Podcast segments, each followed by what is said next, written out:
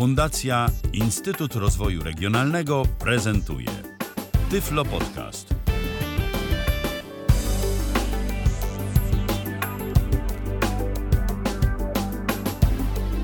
Dobry wieczór, witam serdecznie w kolejnym odcinku Tyflo Podcastu. E, Ala Witek z tej strony. Jak zwykle bardzo się cieszę, że zechcieli Państwo spędzić czas w naszym towarzystwie. E, dziś rozmawiać będziemy o haptycznej mapie. E, moim i Państwa gościem jest pani Joanna Roczniak, studentka informatyki na Akademii Górniczo-Hutniczej w Krakowie, twórczyni prototypu dotykowej mapy. Witam serdecznie Pani Anno. Dobry wieczór, witam. Dobry wieczór, witam. Cieszę się ogromnie, że zechciała Pani przyjąć nasze zaproszenie. Ja miałam y, przyjemność poznać Panią Annę i rozmawiać o, y, z nią o projekcie, jaki realizuje podczas y, konferencji ICCHP w Linz i y, ma, mam nadzieję, że to, o czym dziś y, Pani Joanna będzie Państwu opowiadać, okaże się dla Państwa równie interesujące, jak okazało się dla mnie wtedy. Dlatego postanowiłam Panią Joannę do naszego e, podcastu zaprosić. E, zanim przejdę do tematu dzisiejszej rozmowy, mm, przypomnę Państwu, że można zadawać pytania, można się kontaktować z nami tradycyjnie pod numerem telefonu 123 834 835. Jeśli ktoś z Państwa będzie miał jakieś pytania, bardzo serdecznie zachęcamy do kontaktu. Y, to ja może na początek y, poproszę mm, Panią o opowiedzenie naszym słuchaczom e, troszeczkę o sobie i y, w takim najbardziej ogólnym zarysie o projekcie, którym się Pani zajmuje. Dziękuję bardzo. E, także ja jestem Asia Rochniak, jestem studentką ostatniego roku już studiów magisterskich na Akademii Górniczo-Hutniczej Wydziału Informatyki, Elektroniki i Telekomunikacji, e, gdzie studiuję informatykę. I właśnie na, w ramach mojej pracy magisterskiej zainteresowałam się stworzeniem projektu specjalnie dedykowanego dla osób niewidomych z wykorzystaniem unikalnej niesamowicie nowoczesnej technologii, technologii, która jest rozwijana przez firmę Ultra Haptics w, Bristolu. Mm, jest to technologia, która opiera się głównie na zmyśle dotyku. Dlatego też e, jednym z moich pomysłów wykorzystania tej technologii były właśnie aplikacje skierowane dla osób niewidomych. E, I właśnie w ramach tej mojej pracy magisterskiej Zaczęłam współpracę z Uczelnianym Centrum Informatyki, gdzie poznałam m.in. Marcina Ryszkę, niesamowicie y, zmotywowaną i która potrafi też zmotywować innych osobę niewidomą. E, I właśnie dzięki jego zaangażowaniu i również dzięki zaangażowaniu doktora Zygmunta, dyrektora właśnie Uczelnianego Centrum Informatyki, udało się dołączyć do programu akademickiego który był przygotowany, który został ogłoszony w tamtym roku przez firmę Ultra Haptics, w ramach którego mieliśmy jako uczelnia możliwość zakupienia właśnie urządzenia, które jest przez nich produkowane. I co jest ciekawe, to to urządzenie generuje w przestrzeni punkty, które są wyczuwalne, ale są niewidoczne gołym okiem. I tak naprawdę wykorzystują one fale ultradźwiękowe, które jak e, nakładają się na siebie, jak interferują, to tworzą ogniska, czyli tak jak zwykłe fale. Jednak co jest interesujące, to to, że ta firma właśnie opatentowała algorytmy, które wykorzystuje w swoim oprogramowaniu e, do tworzenia tych dynamicznie zmieniających się punktów przestrzeni, które możemy wyczuć naszą gołą ręką. I ja właśnie to może mm, zanim e, wejdziemy w szczegóły tego, jak e, ta mapa działa i na jakiej zasadzie jest wybudowane oraz jak sama, same mapy powstają, chciałabym, bo wspominała Pani o tym, że E, rozpoczęła Pani współpracę z e, Centrum Informatycznym, że poznała Pani tam e, też Marcina, który swego czasu gościem naszego podcastu. Chciałabym zapytać ogólnie, Panią zainspirowało do przygotowywania, bo jeśli dobrze rozumiem, to wcześniej nie miała Pani styczności z osobami niewidomymi, więc skąd pomysł na stworzenie dla nich właśnie takiej mapy?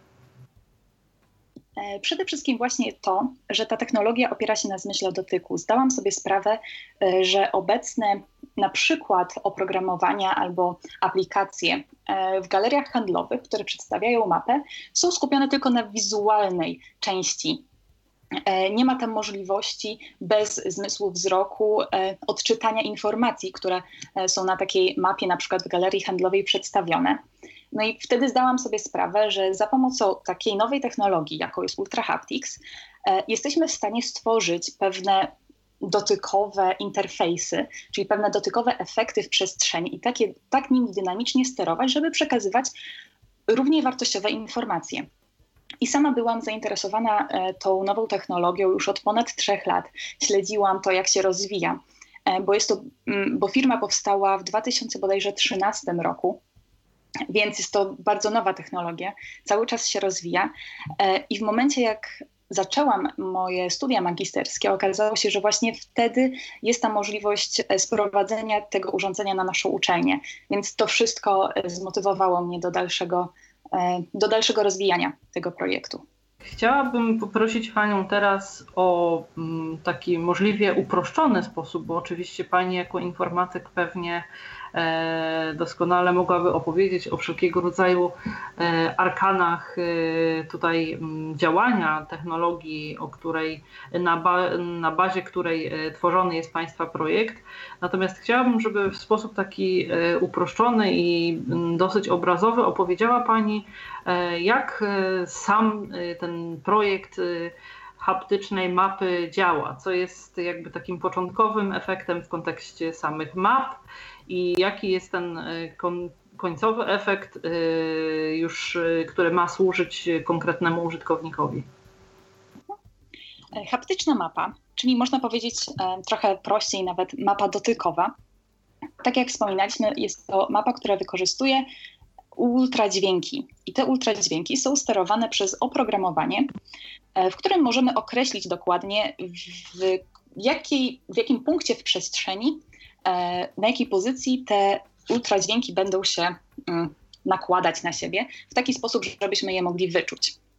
I ja wykorzystuję tę technologię do generowania punktów, które są związane z budynkami.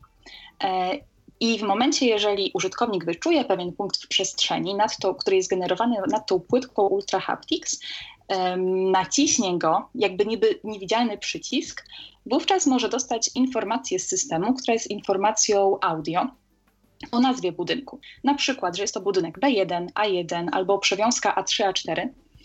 Póki co skupiam się głównie na mapie kampusu AGH.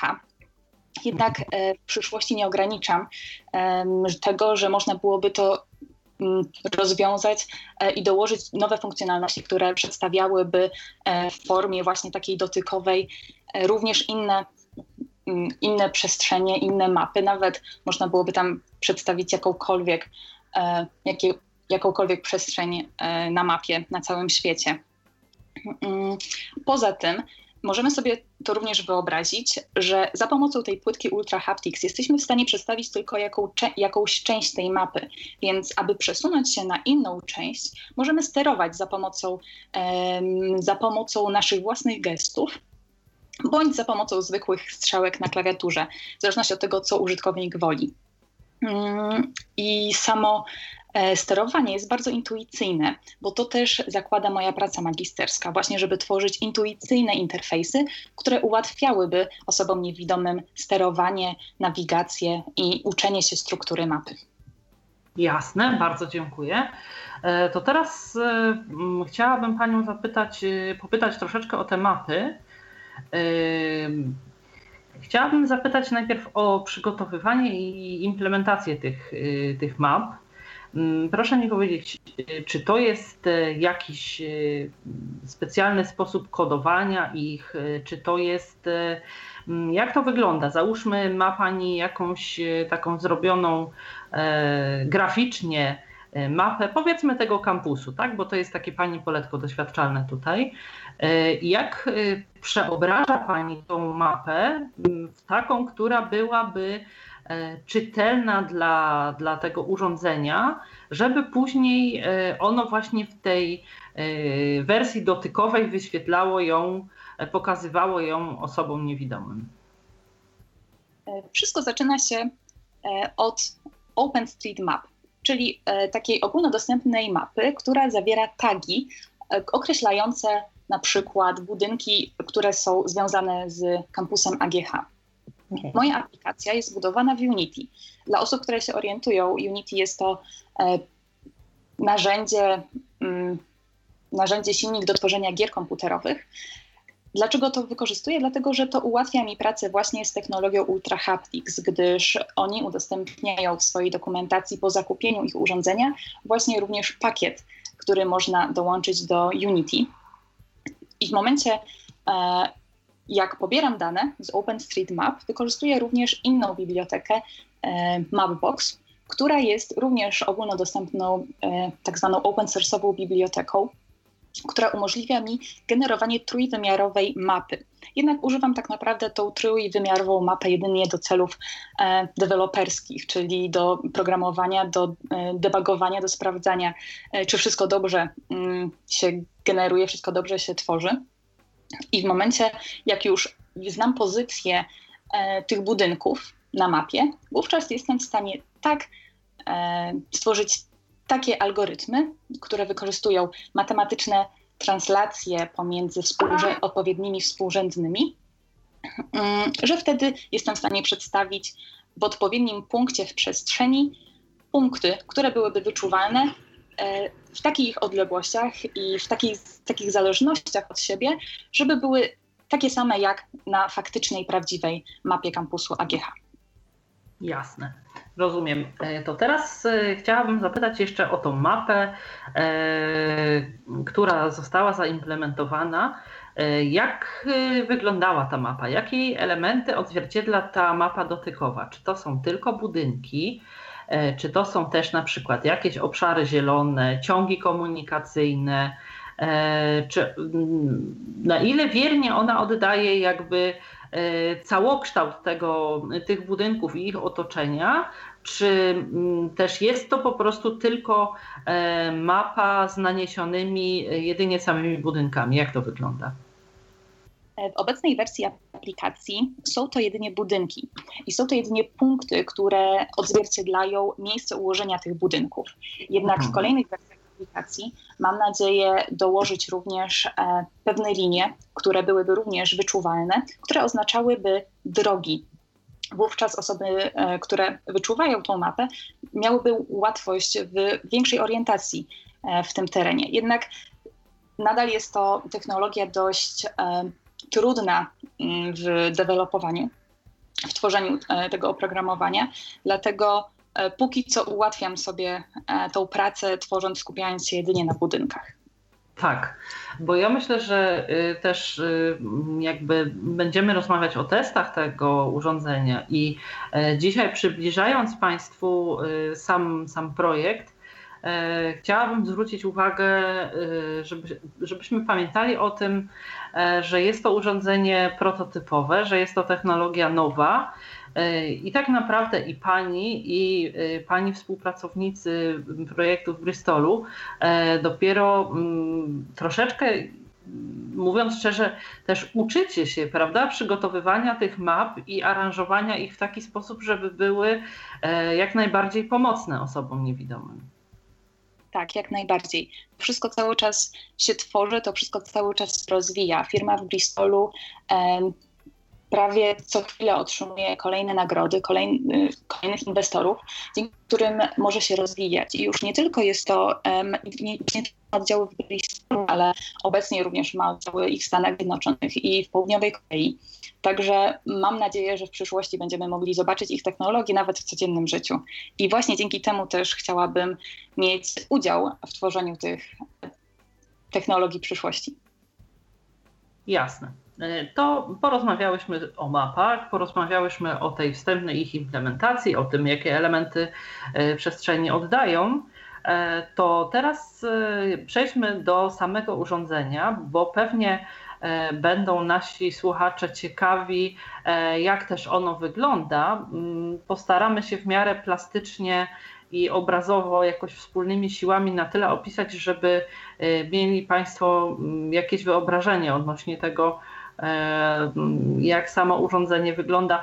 To na początek, gdyby mogła Pani mniej więcej opisać, jak samo to urządzenie, ta płytka wygląda, z czego ona jest wykonana, jakie są jej wymiary i jej kształt. I może też w kilku słowach, gdyby Pani wstępnie opisała, co czuje osoba próbująca odczytać te te mapy z urządzenia. Jak najbardziej.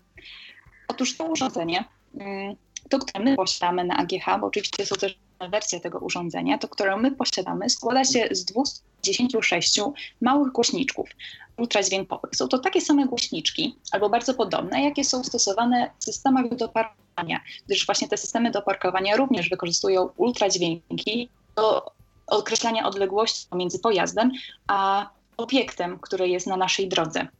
I właśnie Czyli te... mówimy o tych urządzeniach, przepraszam, że Pani wchodzę w słowo, żebyśmy tutaj wszyscy mieli jasność. Kiedy cofamy samochodem, słyszymy takie charakterystyczne pip, pip, pip i wtedy mamy e, sygnał, że e, zbliżamy się tyłem auta do jakiejś przeszkody, tak? O te urządzenia chodzi, tak? Dokładnie, dokładnie e, o te same, mhm, tą odległość. Te małe głośniczki ultradźwiękowe mają średnicę, można powiedzieć, niecałego centymetra. One są ułożone na kwadratowej płytce, która ma tak mniej więcej 16 na 16 centymetrów. Um, są ułożone blisko siebie, natomiast um, nad płytką, w sensie u góry tej um, kwadratowej płytki, jest dołączone do urządzenia Leap Motion. Leap Motion jest to kamerka, która mm, za pomocą fal z kolei infrared e, wykrywa naszą rękę w przestrzeni i również dzięki oprogramowaniu, które jest dołączone do tej um, kamerki Leap Motion, jesteśmy w stanie okryć dokładną pozycję każdego elementu naszej ręki, każdej kości, każdego palca. I to wszystko połączone ze sobą um, umożliwia nam tworzenie tych ultradźwięków, tych punktów wyczuwalnych dokładnie w miejscu, gdzie jest nasza ręka. Z kolei te dwie rzeczy są połączone ze sobą i oprócz tego odchodzą od tego też kabelki.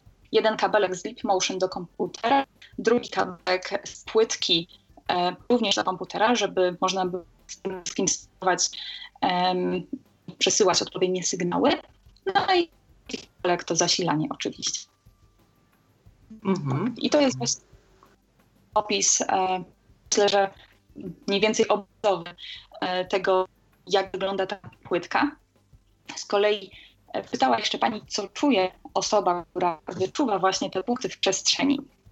I to jest niesamowicie ciekawe. To jak e, pierwszy raz przedstawiałam mm, to urządzenie Ultrahaptics i tą technologię w ośrodku szkolno-wychowawczym dla osób słabowidzących e, i niewidomych na ulicy Tynieckiej w Lwowie. Tam właśnie miałam pierwszą demonstrację tego, tej technologii. Jedna z dziewczyn uczennic tej szkoły powiedziała, że czuje jakby motyle jej próbowały po dłoni, bo tak naprawdę jest to bardzo delikatne odczucie. Można by na że jest to jakby podmuch wiatru, ale jest to bardzo e, scentralizowany podmuch wiatru w taki sposób, że jesteśmy w stanie nawet wyczuć kształty, jesteśmy w stanie wyczuć okręgi, jesteśmy w stanie wyczuć kwadraty, trójkąty, nawet pewne przestrzenie, nawet pewne figury trójwymiarowe. Jesteśmy w stanie wyczuć linie. E, wyczuwamy również różne efekty, na przykład zmieniające się kształty.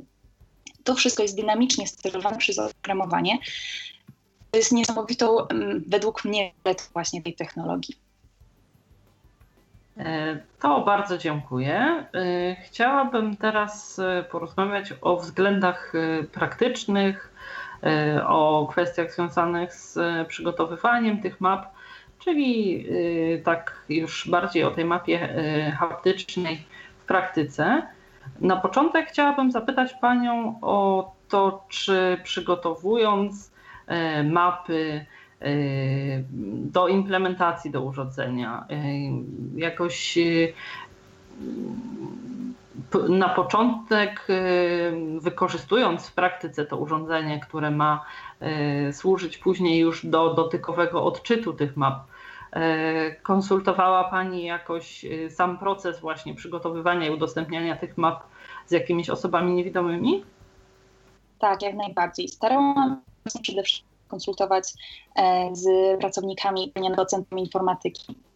Jak również dzięki pomocy i dzięki pracy z, ze szkołą w Krakowie dla osób słabowidzących i niewidomych, dzięki uprzejmości właśnie pani dyrektor, dyrekcji oraz e, nauczycielek, byłam w stanie zorganizować testy z osobami niewidomymi, a dokładnie z uczniami e, właśnie niewidomymi w tej szkole.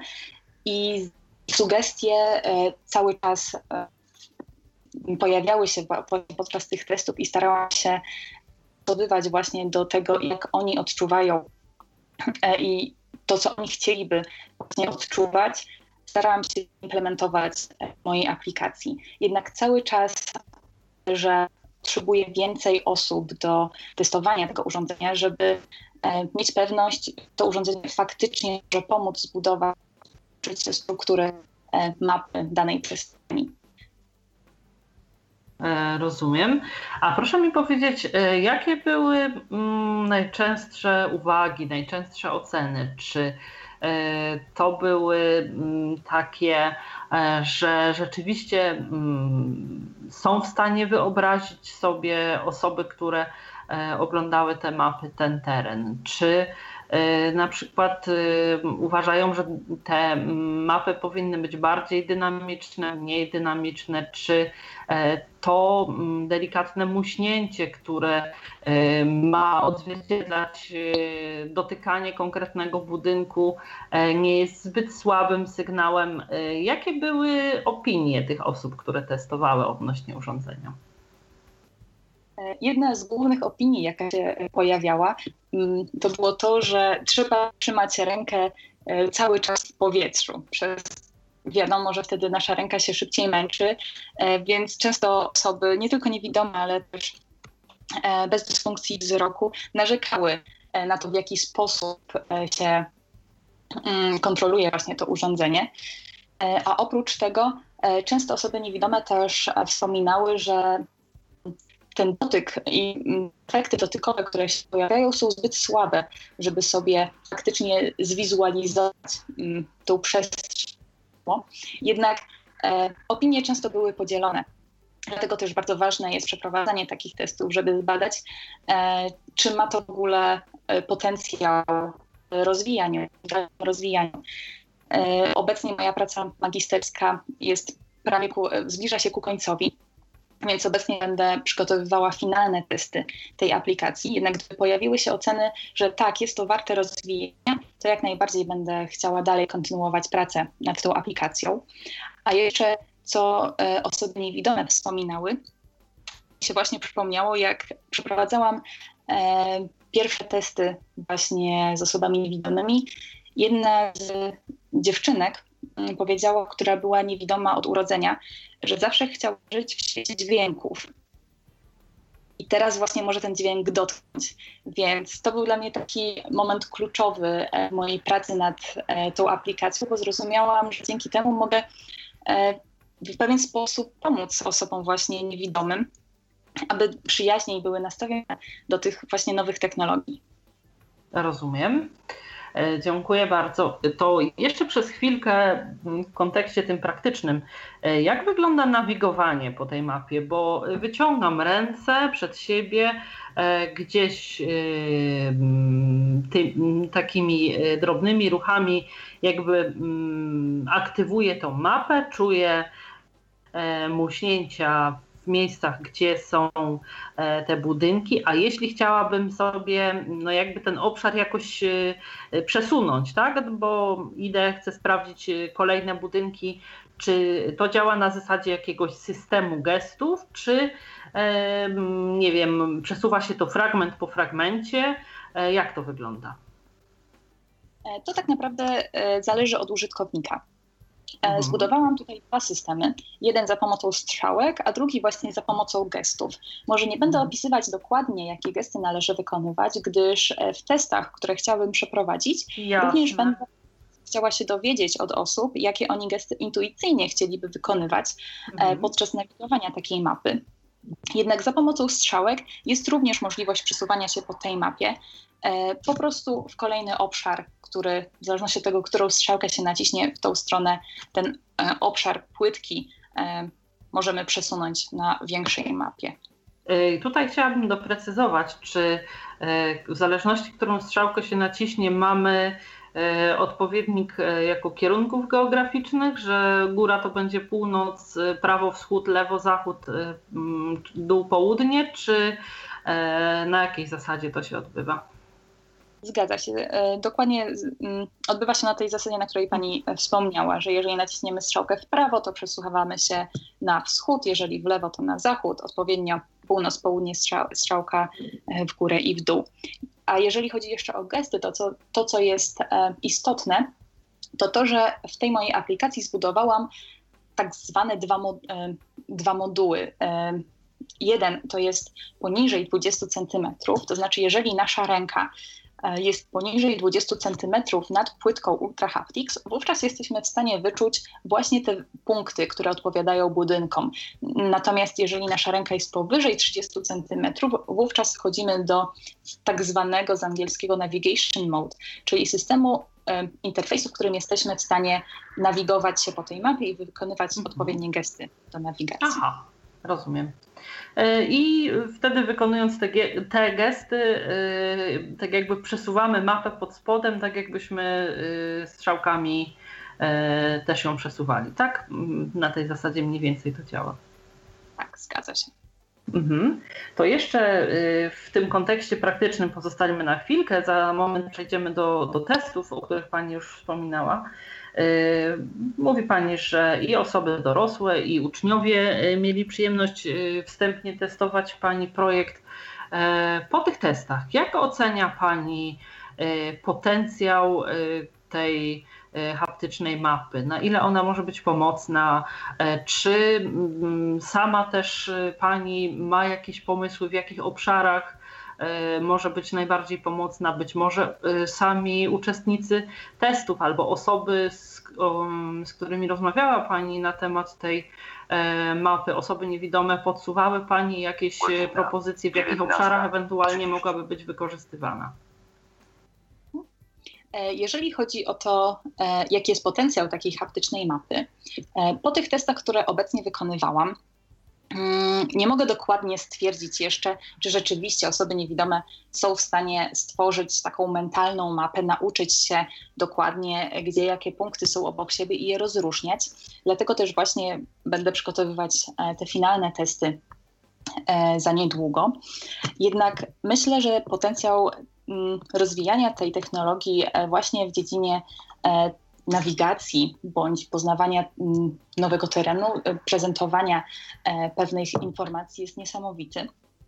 Przede wszystkim z tego względu, że mm, to jest technologia, która dynamicznie się zmienia, więc osoby niewidome, pewnie jak Państwo wszyscy wiedzą, obecnie używają e, tradycyjnie do nauki struktury mapy, używają statycznych map, które są mhm. drukowane często na specjalnym papierze wypukłym specjalnym papierze.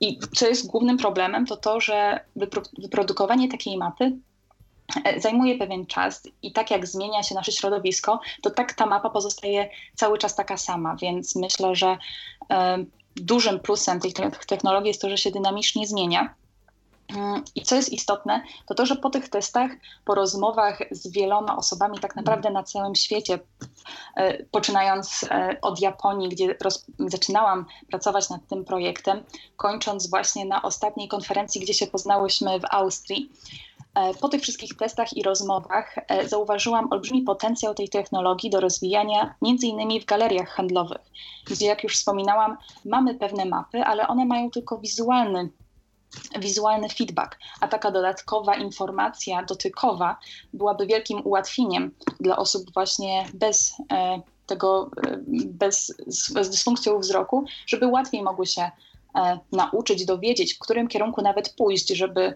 dostać się do odpowiedniego sklepu. Mhm, jasne. Ja myślę, że też bardzo mm, pomocna byłaby w wszelkiego rodzaju budynkach użyteczności publicznej, e, kiedy e, to są takie dosyć rozległe przestrzenie, jak e, jakieś dworce komunikacyjne, lotniska, budynki, które jakby mm, kompleksy budynków, tak, gdzie trzeba się zorientować, powiedzmy jakieś kompleksy szpitalne, czy tego typu właśnie kampusy uczelniane, gdzie tych budynków jest wiele i też e, jakby trudno z samego opowiadania e, wyrobić sobie taki e, pełen obraz tego. Kolejna kwestia to jest tkanka miejska, która bardzo często zmienia się, bo na przykład są przebudowywane jakieś ulice, powstają przy nich nowe budynki, powstają różnego rodzaju jakieś parkingi, inne są adaptowane czy tam przywracane jako tereny zielone i e, tutaj też myślę, że właśnie ta dynamika, oczywiście to się nie dzieje z dnia na dzień, ale też e, e, myślę, że byłoby to bardzo pomocne na przykład przy kursach orientacji, tak? bo dziś człowiek poznaje miasto, w którym odbywa kurs orientacji na ogół po prostu chodząc po tym mieście. Dla mnie jakby już kończąc tutaj te moje refleksje, najbardziej takim e, takim y, największym plusem tego projektu, który Pani e, tworzy i którym Pani, e, który Pani realizuje, jest sam koncept pokazywania osobom niewidomym przestrzeni, dlatego że E, bardzo często jest tak, że gdzieś tam e, osoby niewidome idąc z laską, idąc z psem, idąc z jakimś widzącym przewodnikiem, e, jakby mm, mają najlepsze wyobrażenie o tej przestrzeni, która jest tuż obok nich, bo to są jakieś odbite echa, zapachy, dźwięki typowe dla danego miejsca. Więc jakby cała ta mm, reszta, która jest w dalszym otoczeniu, skala tego, tej przestrzeni E, jest y, dla części e, osób niewidomych kompletną abstrakcją, tak? Więc tutaj myślę, że w tym kontekście mm, tego typu mapy mm, mogłyby być też y, bardzo pomocne. E, I, I, myślę, że, że bardzo rzadko wykorzystywane są jakiekolwiek mapy, przynajmniej z mojego doświadczenia mogę tak powiedzieć, osób, z którymi rozmawiałam o ich kursach orientacji, to jest chodzenie w praktyce, chodzenie, poznawanie jakichś wybranych tras, uczenie się technik, które e, wspierają jakby bezpieczeństwo w trakcie e, poruszania się. Natomiast te kursy nie dają dużej wiedzy o przestrzeni ogólnie, więc myślę, że tego typu dynamiczne mapy byłyby, byłyby pewnie e, pomocne. Oczywiście to też zależy od konkretnej osoby, czy taka wiedza jest jej potrzebna, na ile jest jej pomocna, ale tutaj myślę, że, że mogłoby znaleźć również szerokie, szerokie zastosowanie. Dobrze, to e, chciałabym panią, e, z Panią porozmawiać przez chwileczkę jeszcze właśnie o tych testach, które zamierza Pani prowadzić.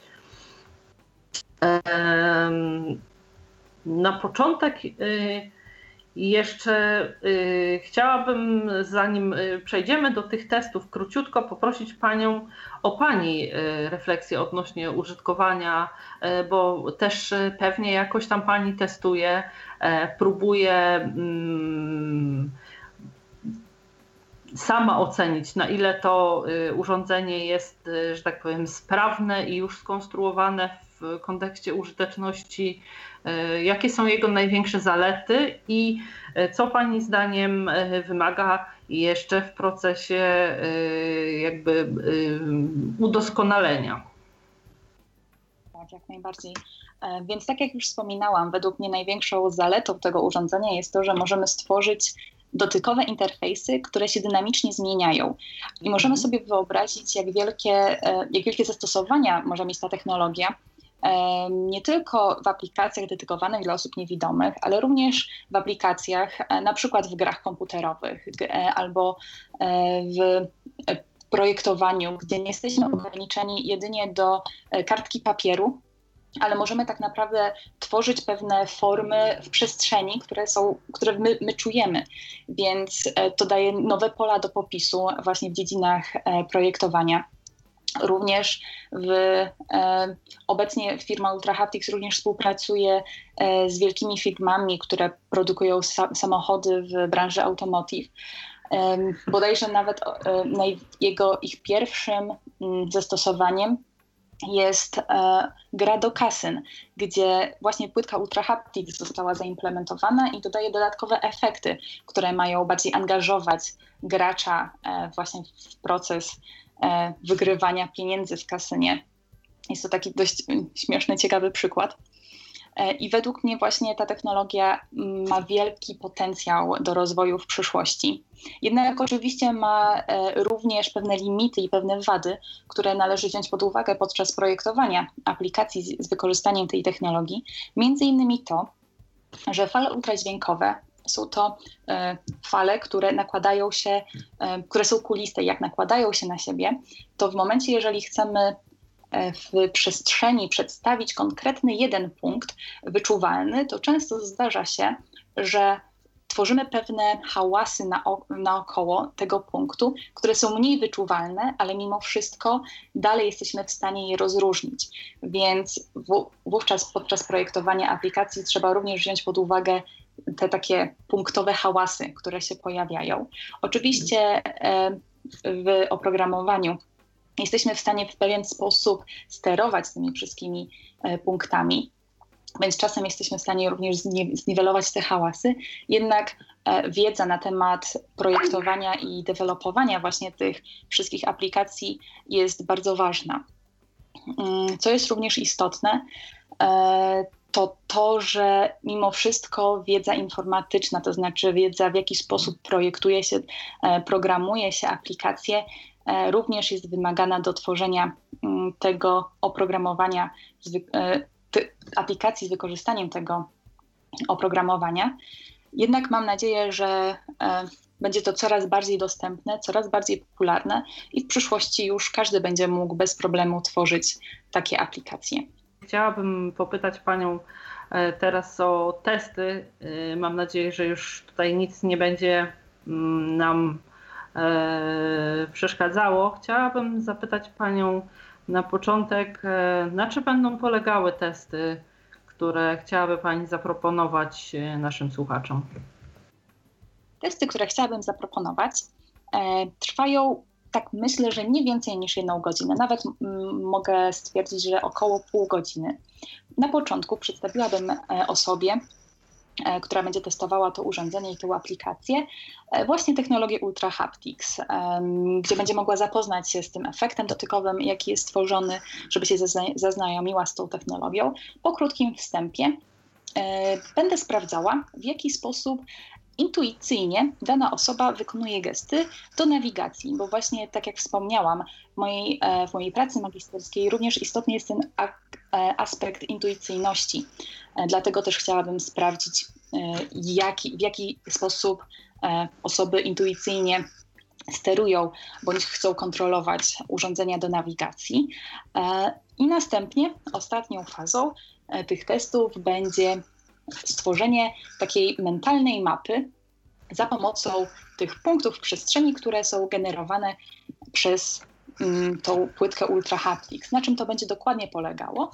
Otóż e, za pomocą takich małych e, pinesek o różnych kształtach trzeba będzie ułożyć, tak jak się czuje, punkty w przestrzeni, w taki sposób ułożyć je, przynajmniej postarać się ułożyć na takiej dziurkowanej e, tablicy. I tak będę sprawdzać, czy te punkty, które są układane przez użytkownika, zgadzają się z tym, co jest przedstawiane w aplikacji. I co jest tutaj istotne do zaznaczenia, to to, że ja w żaden sposób nie będę oceniać osoby, która testuje, ale raczej będę oceniać aplikację, czy ona jest przygotowana i zaprojektowana w odpowiedni sposób, w taki, żeby osoba, użytkownik mógł w łatwy sposób wyobrazić sobie te punkty e, tak, jak są one w rzeczywistości. I te testy będę chciała mm, mm, przygotować właśnie w sierpniu, e, w, e, w zależności od tego, e, kiedy dane osoby, które byłyby chętne do wzięcia udziału w takich testach, byłyby dostępne. Rozumiem, że testy y, odbywałyby się przede wszystkim w Krakowie, gdzieś w ramach Mm, pomieszczeń udostępnionych przez e, AGH na, na potrzeby Pani tych testów. E, proszę mi powiedzieć, mm, czy myślała już Pani o jakichś terminach e, i w jaki sposób ewentualnie osoby chcące wziąć udział w testach mogłyby się z Panią kontaktować? Jak najbardziej. E, jeżeli chodzi o termin, to e, wstępnie myślałam o terminie e, w drugim tygodniu sierpnia tego roku 2018, czyli jest to między 13 a 19 sierpnia. Jeżeli by się okazało, że ten termin, ten tydzień nie odpowiada osobom zainteresowanym, to oczywiście jestem elastyczna i możemy się po prostu dogadać. Jak się ze mną najlepiej skontaktować? Przede wszystkim albo mailowo, napisać do mnie maila E, na roczniak.joanna.gmail.com albo zadzwonić telefonicznie na mój numer telefonu bezpośrednio, e, żeby umówić się właśnie i wyrazić swoje zainteresowanie w tych testach. Mm, jeżeli mogę, to również podam swój numer telefonu. To jest 784 669 469. Myślę, że e, jeżeli będzie taka możliwość, to jeszcze w komentarzach pod tym, pod tym podcastem umieścimy Mm, właśnie moje dane kontaktowe. W razie jakby były osoby zainteresowane, to będę bardzo chętna do współpracy. Jeżeli jednak tutaj jeszcze wspomnę, jeżeli się okazało, że e, jest część osób, która nie może na przykład zjawić się osobiście w Krakowie, a nadal chciałaby wziąć udział w takich testach, to wtedy jestem w stanie dojechać po prostu do większej grupy osób w danym mieście, e, żeby również takie testy przeprowadzić. Rozumiem. Dobrze, to y, pozostaje mi zachęcić Państwa do sprawdzenia, y, na ile technologia y, prezentowana dzisiaj przez Panią Joannę sprawdziłaby się w Państwa ocenie w przypadku haptycznej mapy. Mam nadzieję, że udało się nam zainteresować Państwa tym pomysłem. Ja, ponieważ jestem wielką miłośniczką wszelkiego rodzaju map, E, uważam, że w ogóle są bardzo pomocne, że warto jest umieć czytać mapy, że dają nam, tak jak już mówiłam, mm, większe wyobrażenie o świecie, o tym, co nas otacza, więc e, też jestem orędowniczką e, rozwijania wszelkiego rodzaju projektów związanych właśnie z tworzeniem map dla osób niewidomych. Tym bardziej zachęcam Państwa właśnie do wzięcia udziału w testach, bo też tak naprawdę E, kto przygotuje nam e, jakieś rozwiązania mające nam w przyszłości służyć e, dobrze, bez jakichś wad, optymalnie służące nam urządzenia, jeśli my sami gdzieś tam nie będziemy chętni zaangażować się w przygotowywanie ich na wstępnym etapie. Przecież, jak wiadomo, o wiele lepiej jest tworzyć użyteczne rzeczy i optymalizować wszelkiego rodzaju rozwiązania na etapie ich e, tworzenia, ich rozwoju, niż e, później poprawiać e, gotowe produkty. Tak jak mówię, zachęcam Państwa do wzięcia udziału w testach. Mm, przypomnę, że dziś o haptycznej mapie rozmawiałam z panią Joanną Roczniak, studentką informatyki na Akademii Górniczo-Hutniczej w Krakowie. Raz jeszcze bardzo dziękuję Pani, Pani Joanno za przyjęcie zaproszenia do Tyflo Podcastu. Dziękuję bardzo za zaproszenie i dziękuję za cały podcast i wysłuchanie. Rozumiem. Ba y, dziękuję w takim razie. Rozumiem, że e, gdyby e, nasi słuchacze mieli do Pani jakieś pytania, zadawali je w komentarzach, e, będzie Pani mogła gdzieś tam od czasu do czasu zajrzeć do naszego serwisu, żeby na nie odpowiedzieć, tak? Oczywiście, będę się starała śledzić na bieżąco to, co się dzieje pod podcastem. Jasne. Super, ślicznie Pani dziękuję. Oczywiście Pani i Państwu e, życzę miłego e, wieczoru. Dziękuję bardzo serdecznie za uwagę i zapraszam do wysłuchania kolejnych przygotowywanych przez nas podcastów. E, dziś kłaniam się już i do usłyszenia. Ala Witek. Był to Tyflo Podcast. Pierwszy polski podcast dla niewidomych i słabowidzących. Program współfinansowany ze środków Państwowego Funduszu Rehabilitacji Osób Niepełnosprawnych.